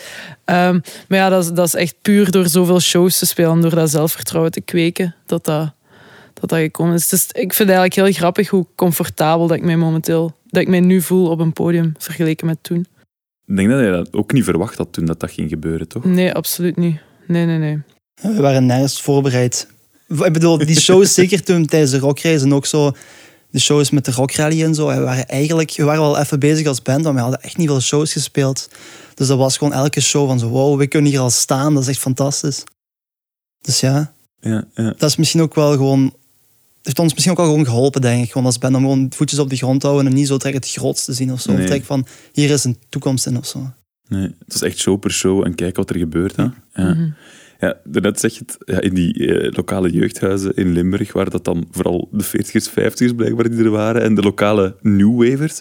Hoe zijn jullie eigenlijk zelf bij die sound terechtgekomen? Hoe- Was dat, hebben jullie elkaar gevonden doordat jullie, ik zeg maar iets, die YouTube-links naar elkaar begonnen doorsturen? Of iets in, in die, hoe, hoe- loopt dat? Dat jullie daarin invallen, laat me zo zeggen, in die sound? Ja, dat is misschien wel een beetje mijn schuld geweest. Ehm, ik denk dat, dat, dat Sander, eh, onze drummer, en ik waren, eh, toen we pas in Leuven zaten, een beetje, ja, ook heel veel die muziek aan het luisteren en inderdaad veel naar elkaar door te sturen. En ja, we hadden dan eerst zo naar editors zitten luisteren, zo de horrors, die bands, en dan verder zitten zoeken. En dan komt je bij The Cure, Joy Division, al dat soort bands uit. En dan zijn we daar nog een beetje verder in gegaan. We nog een radioshow eigenlijk, ehm, gedaan op Radio Scorpio. Ja, ja. Wat ook eigenlijk enkel met die muziek was. Dus ja, wij waren er heel veel mee bezig in die periode. En dan als je dan zelf muziek begint te spelen, dat is normaal dat je dan gaat teruggrijpen naar dingen die je zelf leuk vindt. Mhm. En zo zijn we er een beetje in gerold, denk Ja, ik. ja, ja. En dan is Fenne erbij gekomen ook, bij, bij, al, bij jullie projectband, die dan Whispering Sins is geworden. Hoe ben jij in die muziek? Dat was nieuw Door voor jou. hun, ik eh, kende daar niks van. Ik wist van niks. Ik ben wel zo mee gaan doen met, de, met het radioprogramma, maar dat was gewoon omdat ik het leuk vond om dingen voor te lezen. Die muziek, dat interesseerde me eigenlijk niet zoveel. Nee, maar het was wel leuk om, om, om daarover bij te leren of zo. En ik ben er dan ook wel zo ingerold, maar ja... Het is ook niet dat ik daar heel veel van weet of zo. Of dat ik mij daar heel fel heb door laten beïnvloeden. Ja, we waren ook niet zo overdreven zware doelwijvers, om het zo te zeggen. Dus het is niet dat we naar zo speciale feestjes gingen en zo allemaal. Absoluut Nee. niet. We vonden gewoon die muziek heel leuk en ook gewoon... Ja. Waren die er ook, die feestjes? ja, niet in de, in de jongere scene, om het zo te zeggen. Dan moest je echt meer bij, zo de, ja, bij de ja, oudere mensen of zo, de 40ers, 50ers. Er zijn nog wel feestjes. Zijn we ook later terechtgekomen voor shows te spelen. Ja. Ehm, wat zeker wel een, een, een, een leuke scene is, omdat je daar echt heel goed ont, onthaald wordt. Maar ja, dat sprak ons niet echt aan voor 30 en feesten natuurlijk. Nee. Dus het was, ja, ik denk gewoon meer een soort van, van muzikale taal of zo die je leert of zo. Veel naar die muziek te luisteren en dan Ja. zelf toe te passen op je demos, op je muziek. En je maakt je eigen eigenlijk, Ja. door zoveel te Ja. luisteren ook. En ik vind dat gewoon een, een- Die sound is gewoon goed om zo emoties mee te tonen en zo allemaal. Dus daarmee had dat gewoon ons goed lag, denk ik. Toen we begonnen met de band. Ja. Jullie hebben nu gestort op, op, op muziek en je zegt, ik heb nog nooit zoveel tijd gehad om me te focussen. Ja, ook op jouw teksten, denk ik dan. Eh, hoe is dat anders gegaan dan nu in dat coronajaar dan dat je normaal zou werken? Ehm, ik nu, ja, dus er waren heel veel. Het ding was, er waren heel veel demos klaar. Maar en tussen toeren door waren die dan allemaal geschreven en die waren zich zo aan het opstapelen. En ik moest voor al die nummers nog lyrics beginnen schrijven en ik zag dat niet zitten. Dat was, ik was alles aan het vertragen, ook het hele proces. En dan, ja, eh, kwam die lockdown en dan ben ik daar gewoon op kunnen focussen. En heb ik veel meer, in plaats van nummer per nummer te bekijken, heb ik het meer als een geheel kunnen eh, aanzien en, en er meer een soort van concept rond kunnen breien. Ehm, dus, en dat, dat vind ik ook wel leuk. Ik vind het leuk als ik daar meer mee kan bezig zijn, als ik linken kan leggen tussen nummers en zo. Dus in dat opzicht was, het, ja, was die lockdown wel gewoon heel goed. We hebben het net al over die, die bands waar je naar luistert. En je zegt zelf, ja, ik, het is goed om, om bijvoorbeeld emoties in te uiten. En die muziek, dat voelt natuurlijk aan om dat in die muziek te doen dan, denk ik, bij jullie. Ehm, ja, Fenne, ook in jouw teksten, daarnet zat Marcel van Tilt hier. En het ging over die eind jaren 70, jaren 80, hoe dat, dat dan groeide en ontstond. En dat was heel veel had daarmee te maken. Met een soort ook van onvrede met wat er allemaal aan het gebeuren was in de maatschappij. Met hoe dat er met jongeren gedaan werd die allemaal werkloos thuis zaten of in de biep moesten gaan bijklussen. Zeg maar. Eh, om, om daar dan... Ja, ja, letterlijk. Dat, dat vertelde hij echt letterlijk. Ehm, die, die- onvrede of, of die uw plek niet vinden in de maatschappij, dat is ook iets dat we... Allee, dat mensen horen in, in jouw tekst, dat er ook wel echt in zit. Mhm.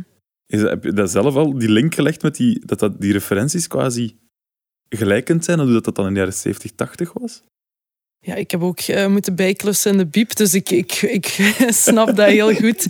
Ehm, ik, ver- ja, ik vertrek minder vanuit zo dat, dat maatschappij kritisch. Allee, ik, ik snap heel goed van hè, uw plaats niet vinden in de maatschappij. En dat is sowieso iets wat in mijn leven terugkomt of zo. Maar ja, oh ja, ik weet het niet. Ik schrijf gewoon altijd vanuit het persoonlijk. En dat is dan gewoon de, de reactie op. Het is eigenlijk heel logisch wat ik zeg, maar de reactie op wat er dan rondom mij gebeurt. Maar ik ga het Mhm. nooit zo. Ik ga nooit vertrekken vanuit een bepaalde onvrede of zo, maar eerder vanuit m- ja, mijn eigen perspectief erop. En is dat dan soms ook een gevoel van, van, van ongemak? Of onbehagen? Of on, onvrede, om dat toch te worden bij jezelf? Oh ja, ja ik denk dat dat de, de, de basis is. Ja. Op, op de nieuwe plaat die eraan komt, zit er een, een, een thema in, een lijn in? Als je zegt, ik heb meer over het concept kunnen denken. Ehm, ja, er zit, er zit eigenlijk een eh, heel duidelijke lijn in. Ehm, ja, eh, de periode dat ik, dat ik die plaat schreef, was ik heel veel aan het worstelen met zo, ja, perfectionisme en, en veel te veel druk leggen op mezelf. En ehm, te veel bezig zijn met alles maar beter willen doen, meer willen doen. Zo, dat. dat is ook weer iets wat uiteraard wordt opgelegd vanuit de maatschappij of vanuit jezelf of zo. En eh, het is daar waar dat ook de hele plaat eigenlijk rond draait. Door zo telkens maar iemand anders te willen worden eh, of beter te willen worden en jezelf een beetje verliezen in dat proces. Ehm, en eigenlijk gewoon letterlijk several others zijn. Ja. Is dat iets waar jullie... Nu ben ik mij die Zoom-meeting aan het voorstellen, die Zoom-meetingen. Zijn dat dan ook dingen die je in de groep gooit, van het gaat hierover? Of? Eh, nee. nee. Eigenlijk praten we niet zoveel over de lyrics, dat is iets voor fannen. Ja. En dan meestal wordt ons wel duidelijk, of niet duidelijk, eh, als de nummers zijn opgenomen. En als we ze live spelen, dan voelen we wel als fan het meent, ja of nee. Ik meen het altijd.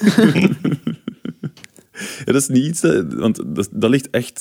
eh, De verantwoordelijkheid, dat ligt echt bij jou, hè? Ja, ja. Ja, ik, ik, vind ook, ik vind ook gewoon niet gemakkelijk om te delen of zo. Allee, omdat Maar je dat gaat er wel zo... op een podium staan voor 6000. Ja, maar dan is het ook zo... Dan is het klaar, dan is het af en dan kan ik dat wel brengen. Maar als ik zo moet gaan praten over wat dat de nummers gaan of zo, vind ik dat wel moeilijk en confronterend. Zeker in, die, in de beginfase. Dus ik laat dat meestal voor wat het is. En dan eh, Dus zullen ze niet het dat wel je teksten horen. doorstuurt in een Google Drive. eh, Nee, nee, eigenlijk niet. Ik heb ze wel eens doorgestuurd. Ik weet niet wie dat ze gelezen heeft, maar... Maar dan was dat meer voor zo titels voor de nummers te Ah, zoeken ja, of zo. Ja, ja. Want dat is dan ook nog iets. Titels vinden voor nummers, Titels. als de teksten geschreven zijn. Daar gaan de Zoom-meetingen dus ook Ja, dat, dat is echt... Ja, ik vind altijd wel straf. Dat zijn heel persoonlijke nummers. Ehm, en heel persoonlijke gevoelens die daarin zitten. Een soort van frustratie soms die daarbij komt kijken. Ehm, en je zegt net, ik heb mijn plaats met de zoeker op een podium. Hoe kan dat dan, of hoe komt dat dan, denk je, dat je daar op een podium veel minder moeite mee hebt om dat dan die zaal in te roepen, schreeuwen? eh, Ja, dat is een heel goede vraag. Ehm, ik weet het niet. Ja, ik wil zeggen, als je op een podium staat, is het allemaal een performance. Hè? Dus je zijt niet... Je zijt jezelf wel, maar je bent een ander aspect van jezelf of zo. En ik denk dat het dat, dat, het dat veel gemakkelijker maakt. Dat het daardoor veel gemakkelijker is.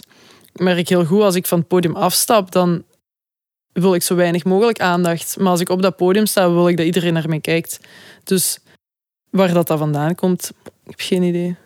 The several others, wat je Ja. zei. Zo. Hmm. Ja, de fan onstage, de fan offstage. Ja. Jullie merken dat waarschijnlijk toch ook op een podium. Ja, ja, sowieso. Dat is ook gewoon... Ik voor de show is Fan ook niet echt ermee bezig of zo. Of zo, zo redelijk kalm of zo. En dan eenmaal op het podium, eerste noot begint en ze is vertrokken. Dus, eh, Is het dan soms verschieten? je wordt er wel gewoon. Ja. Op het begin was het wel zo van zo, oh ja, die gaat toch heel Eh. fel. Zeg. Ja, maar dat is toch oké? Ik bedoel, wij vinden dat ook allemaal heel leuk als band dat we zo'n expressieve frontvrouw hebben. Dus Mhm. dat, dat is ook gewoon voor dat de, dat de, dat de show ook gewoon... Ja. Ja, ik- vind dat dan veel beter maakt of zo. Ja. Dan enkel mensen die een instrument bespelen. Ja. We hebben het nu over, over ik heb het al een paar keer laten vallen. Eh, We gebruiken het woord new wave, maar we gebruiken tegenwoordig veel meer het woord postpunk, denk ik ook. Over, over muziek die, die jullie onder andere maken. Maar jullie staan daar natuurlijk niet alleen in. Er zijn nog bands die, die die sound hebben teruggevonden, herontdekt, die ook populair aan het worden is ergens. Hoe, hoe denk je dat dat... Of hoe komt dat dat dat nog zo steeds zo leeft? Is dat iets in die muziek? Is een gevoel? Is een- hoe zit dat bij jou, Koba? Ik weet niet, is, ik denk niet dat dat echt ooit volledig weg is geweest of zo. Dat heeft gewoon denk ik, te maken met iets meer in de marge zitten en dan weer terug wat meer mainstream worden, om het zo te zeggen. Omdat er bepaalde bands, ik weet niet, iets belangrijks te vertellen hebben. Bijvoorbeeld nu een band als Idols. Die hebben wel iets te zeggen, denk ik gewoon. Dat is misschien daardoor dat ze gaan opgepikt worden en dat ook die aandacht krijgen of zo. Maar ik denk niet dat, dat die scene ooit echt gestorven is of zo. Dat is gewoon een komen en gaan eerder. Maar we hebben wel veel shows gespeeld in zo de misschien iets oudere scene of zo, waar de mensen eigenlijk van sinds dat de jaren tachtig bezig waren, Ja. gewoon volledig gewoon dat hebben meegemaakt tot nu. En die scenes zijn er wel misschien iets minder hier in België, maar ik denk niet dat, dat het genre echt ooit ja, dood is geweest of Nee. zo. Ja, want ik vraag me dat, je hebt er net al kort over gehad, maar soms vraag ik me dat dan af. Zeker in het begin dan. Nu hebben jullie echt jullie, jullie plek wel verdiend, om, het dan zo te zeggen. In het begin wordt er dan geboekt op plaatsen waar dat dan die 80s, diezelfde 80s bands staan die soms nog eens mogen optreden. Zo. Hoe voelt dat dan als jonge zangeres of, of, of als jonge muzikant om daar te staan, Fenne? Goh, ik... Ja, nee, ik ik kan daar niet zo...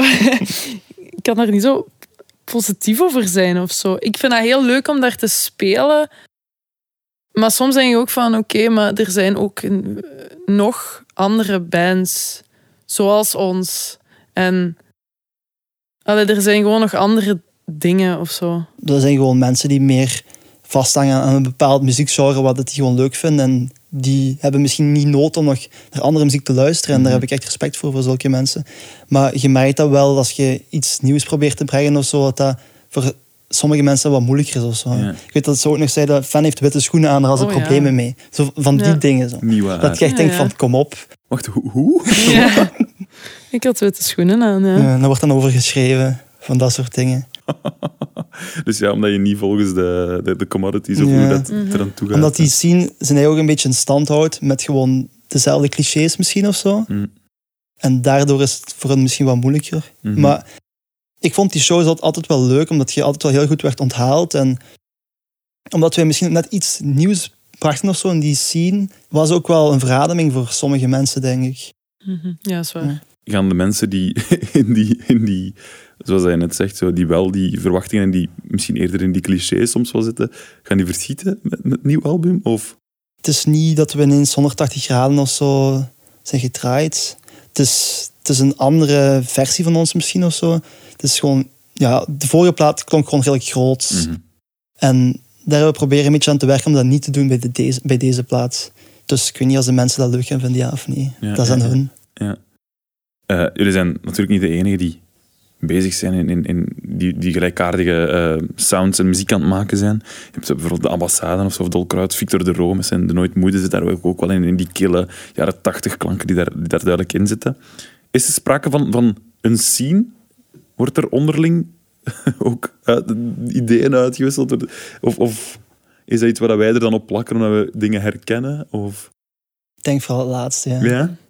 Het is wel onze schuld, hè? Ja, wij zijn nooit echt een, een band geweest met een, met een groot netwerk of zo, denk ik. Zeker in het begin, omdat wij echt de enige band waren, denk ik, die dat deden. Of zo van de mensen van onze leeftijd of zo. Mhm. Dat is misschien nu wat meer gegroeid, inderdaad, met, met die projecten waar je juist hebt opgenoemd.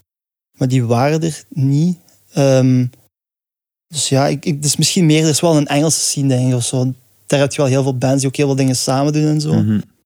Maar dat, is- dat leeft dan misschien wat meer zo onder boekers van festivals of zo. Of meer in die wereld dan echt bij ons dan tussen andere bands. Mhm.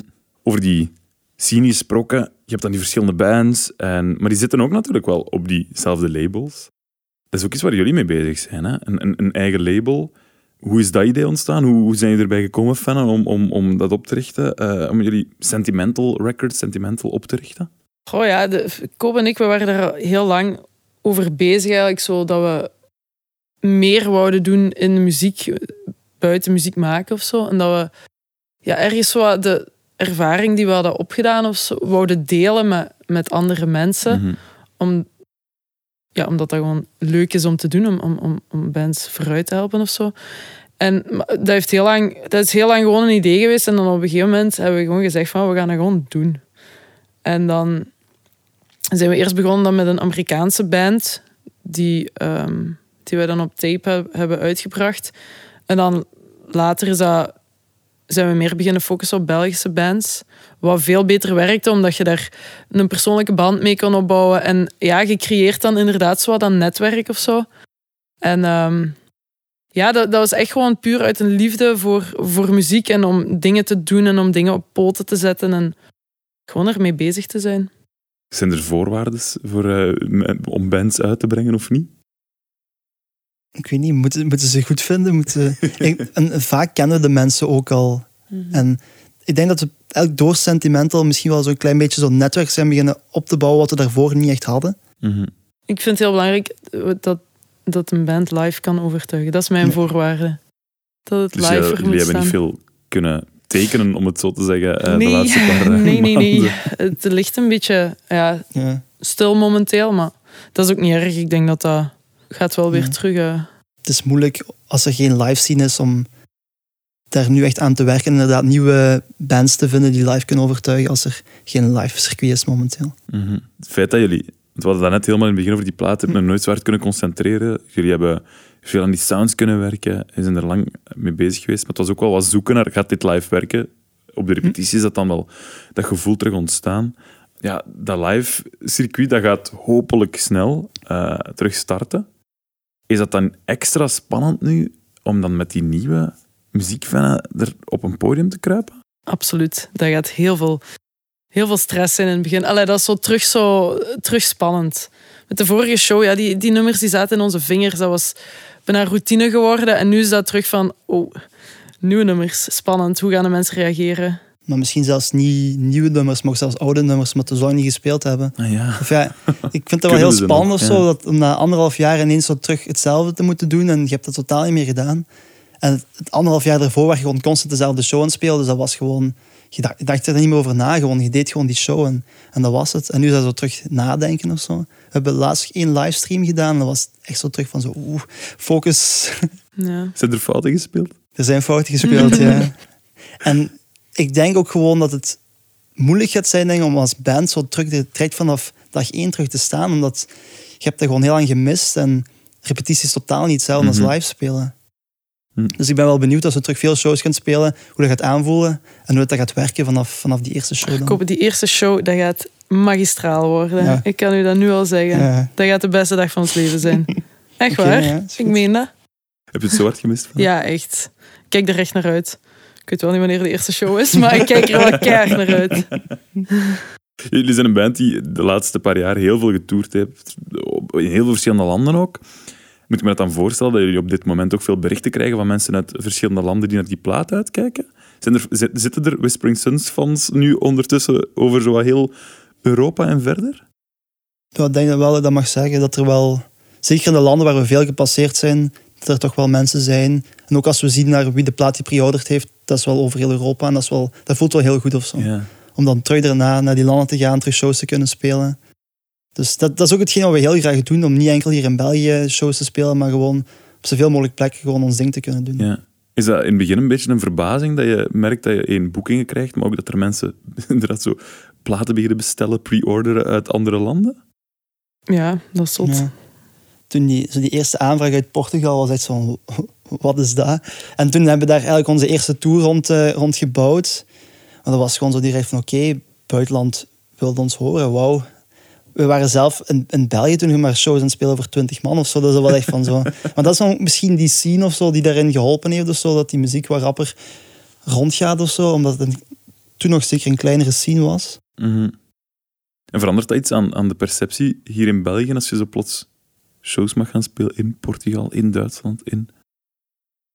Ik denk dat dat wel altijd een mooi verhaal is dat verteld kan worden. Zelfs als je daar maar voor tien man speelt of zo. Hè. Het is altijd chic om te Ja. zeggen. En dat een- gebeurt ook, dat dat voor tien man is. Eh, nee, nee, niet meer. Alleen in Servië of zo. Daar eh, komt dan zo tien man kijken. Voor de rest valt het goed mee. Maar ja, het is natuurlijk wel leuk om zo'n tourposter te delen waar dan zo heel veel Europese landen op staan. Ik vind dat toch altijd leuk. ja, dat is leuk, ja. Wat is zo de opvallendste plek? Of de, de, de, de- misschien de, de plek dat het minst had verwacht dat je ging staan op die manier? Ik ben niet- Servië ik onthoud- bijvoorbeeld, als je ik zegt onthoud Servië, dat Servië is, een, het is wel een redelijk streng land ook gewoon. Er is niet echt zo'n grote scene voor andere Europese bands, omdat dat geen deel is van de Europese Unie. Dus je gaat er ook niet zo makkelijk binnen. Dus aan de grens was het al zo een beetje spannend om gewoon... Want we zijn dan nog van de ene grenspost naar de andere gestuurd. Voor gewoon mogen binnenrijden met onze camionet.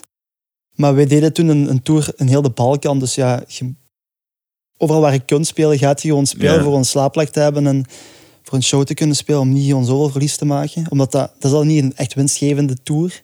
was wel een heel leuke tour, by the way.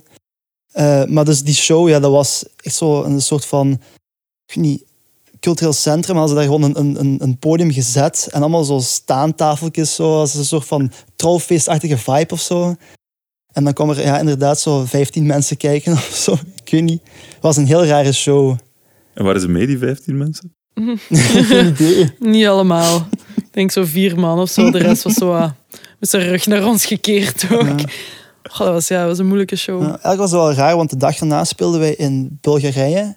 En dat was dan wel heel veel mensen en we werden heel goed onthaald. En de dag ervoor speelden we in Hongarije en was ook van hetzelfde. Dus ja, dat kan van land tot land soms verschillen. Ja.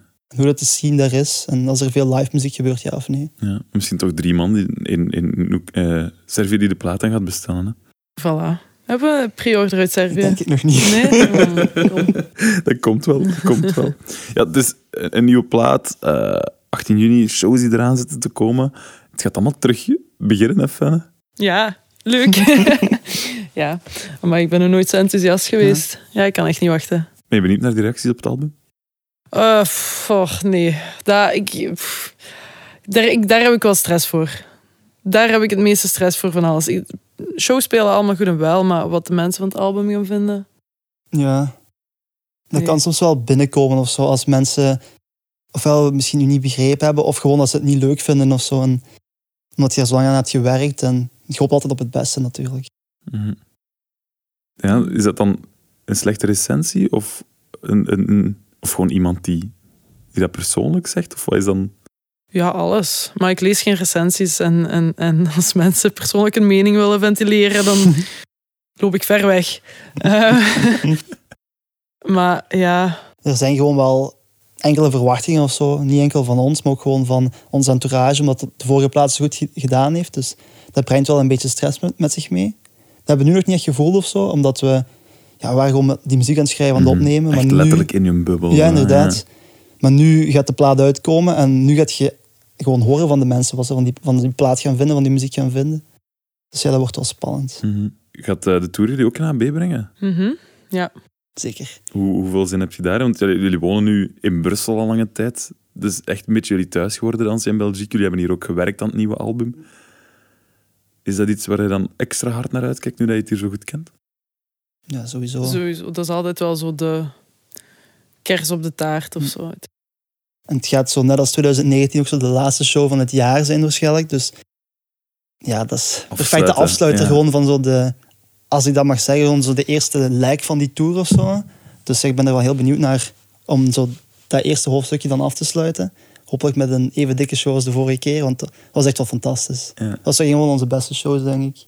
Vorige keer AB. Of ja, die grote Ik zaal. herinner me enkel de afterparty.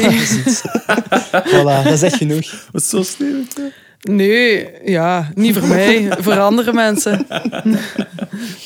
We, gaan, we zullen er niet dieper op ingaan. Nee, eh, beter. nee, nee. We zullen betere herinneringen erbij houden. Dikke merci om langs te komen. Dank u. Graag gedaan. En eh, hopelijk tot heel snel op een podium waar je dan... Yes. Je hebt het al gehoord aan het begin van de aflevering. Het is dus de laatste guestlist voor we hier even in een eh, zomerstop gaan. Maar als alles goed gaat, dan wordt het een zomerstop van je welste. Eentje met live muziek en eentje met frisse pinten op festivalweide. Dus laat ons hopen.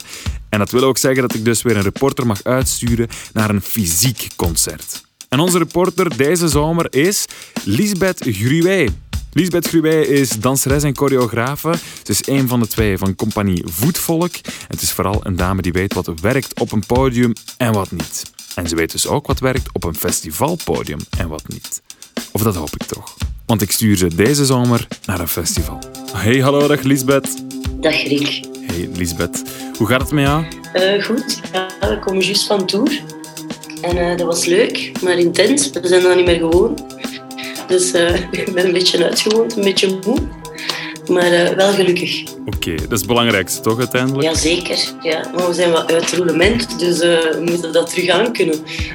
ja, ja, ja, dat begrijp ik wel. Dat begrijp ik wel. Je bent met veel dingen bezig, ook de laatste tijd. Um, je bent ook een voorstelling in elkaar aan het steken in de AB of voor de AB, klopt hè? Voor de AB, ja. Dat is eigenlijk een soort van rockconcert dat ik wil maken, maar een choreografisch rockconcert. Ja, ik zou eens zelf graag een concert zien waar, dat, waar dat er dansers en performers meedoen. Maar ik heb eigenlijk nog niet het concert gezien waar ik dan zelf van droom, dus dan moet je dat zelf maken. Hè? nee, dat is goed. Dat is goed. Uh, Hands-on en, en het in elkaar steken. Nee, nee, ik snap het. Ik snap het. Ja. Het is voor in januari hè, dat dat naar buiten gaat komen? Uh, ja, ik denk uh, januari 22. Dat we dan ook denken van dat iedereen gewoon ook dicht bij elkaar mag terugstaan en een concert beleven zoals dat het moet. In normale omstandigheden. Oké. Ja, dat brengt ons een beetje bij waarom ik jou bel. Want wij sturen elke aflevering iemand naar een concert. De laatste weken waren dat voornamelijk uh, online concerten. Uh, of af en toe is een speciale documentaire bijvoorbeeld, maar bleef wel altijd digitaal. Jij bent de eerste die ik naar een uh, fysiek evenement mag sturen. Ik denk dat dat best wel al een eer te noemen is. Ja, het is zalig.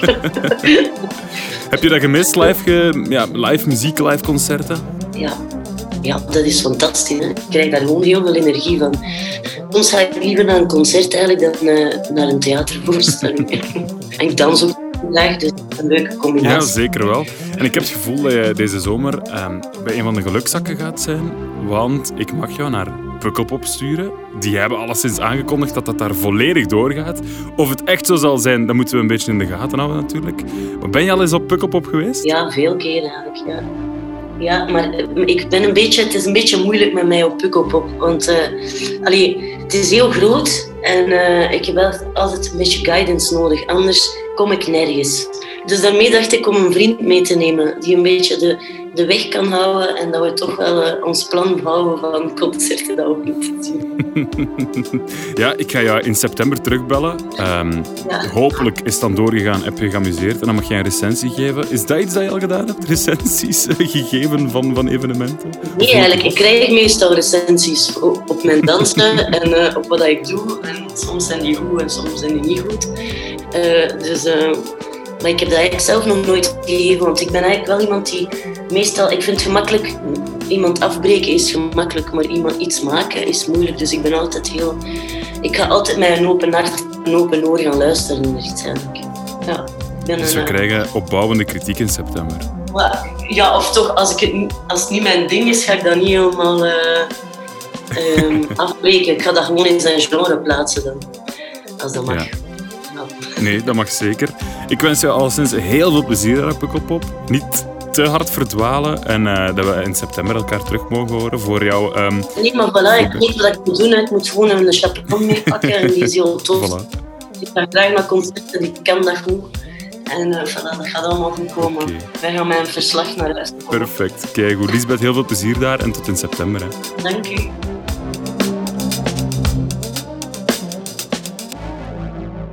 Zo, dat was de vijfde, de vijfde symfonie van Guestlist. Wij zijn terug in september.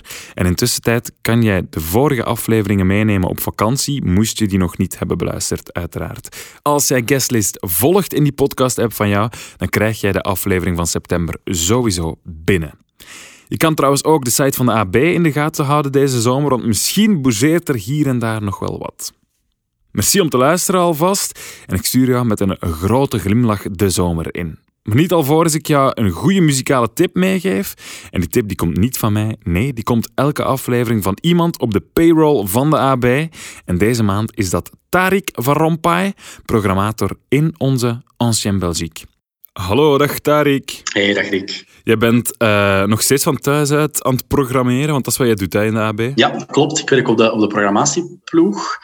Uh, en dat gebeurt ja, helaas vooral van thuis uit hè, de laatste tijd. Uh, gelukkig kun je van overal naar muziek luisteren en nieuwe muziek checken. dus is dat niet zo erg. Maar uiteraard mis ik ook wel de AB en de collega's en de sfeer die daar hangt. Ja, dat snap ik. Want ik denk dat je ook heel veel muziek leert kennen in de AB door je collega's. En dat is eigenlijk een beetje wat jij gaat doen op dit moment. Want jij gaat alle luisteraars van Guestlist plezieren uh, met een van jouw recentste ontdekkingen. Klopt. Ben je nog veel aan het luisteren dan? Ja, blijkbaar. Ja, ja, tuurlijk. Uh, met muziek luisteren stop je nooit. Hè. En in het begin van heel deze crisis uh, merkten we wel dat er veel muziek even on hold was gezet. De artiesten even wachten met, met een plaat te brengen of met nieuwe muziek te droppen, totdat het uh, betere tijden waren, bij wijze van spreken. Maar ondertussen heeft iedereen wel door dat de betere tijden nog wel even op zich hebben laten wachten. Dus uh, is er toch is er inhaalbeweging geweest en is er terug veel nieuwe, coole muziek uitgekomen. Uh, gelukkig maar, hè, want dat geeft toch ook energie om te blijven gaan. Ja, ja dat is waar. En wel, dan ben ik wel eens benieuwd, Tarik. Wat is jouw ontdekking of welke muziek wil jij delen met al deze prachtige luisteraars? een band waar ik zelf ehm, heel zot van ben en waarvan ik vind dat iedereen ze moet kennen, is Fiddlehead. Mm -hmm. um, ik programmeer bij AB van alles, maar ook een heel groot deel daarvan zijn zo wat de zwaardere gitaren, de punk, de rock, de metal.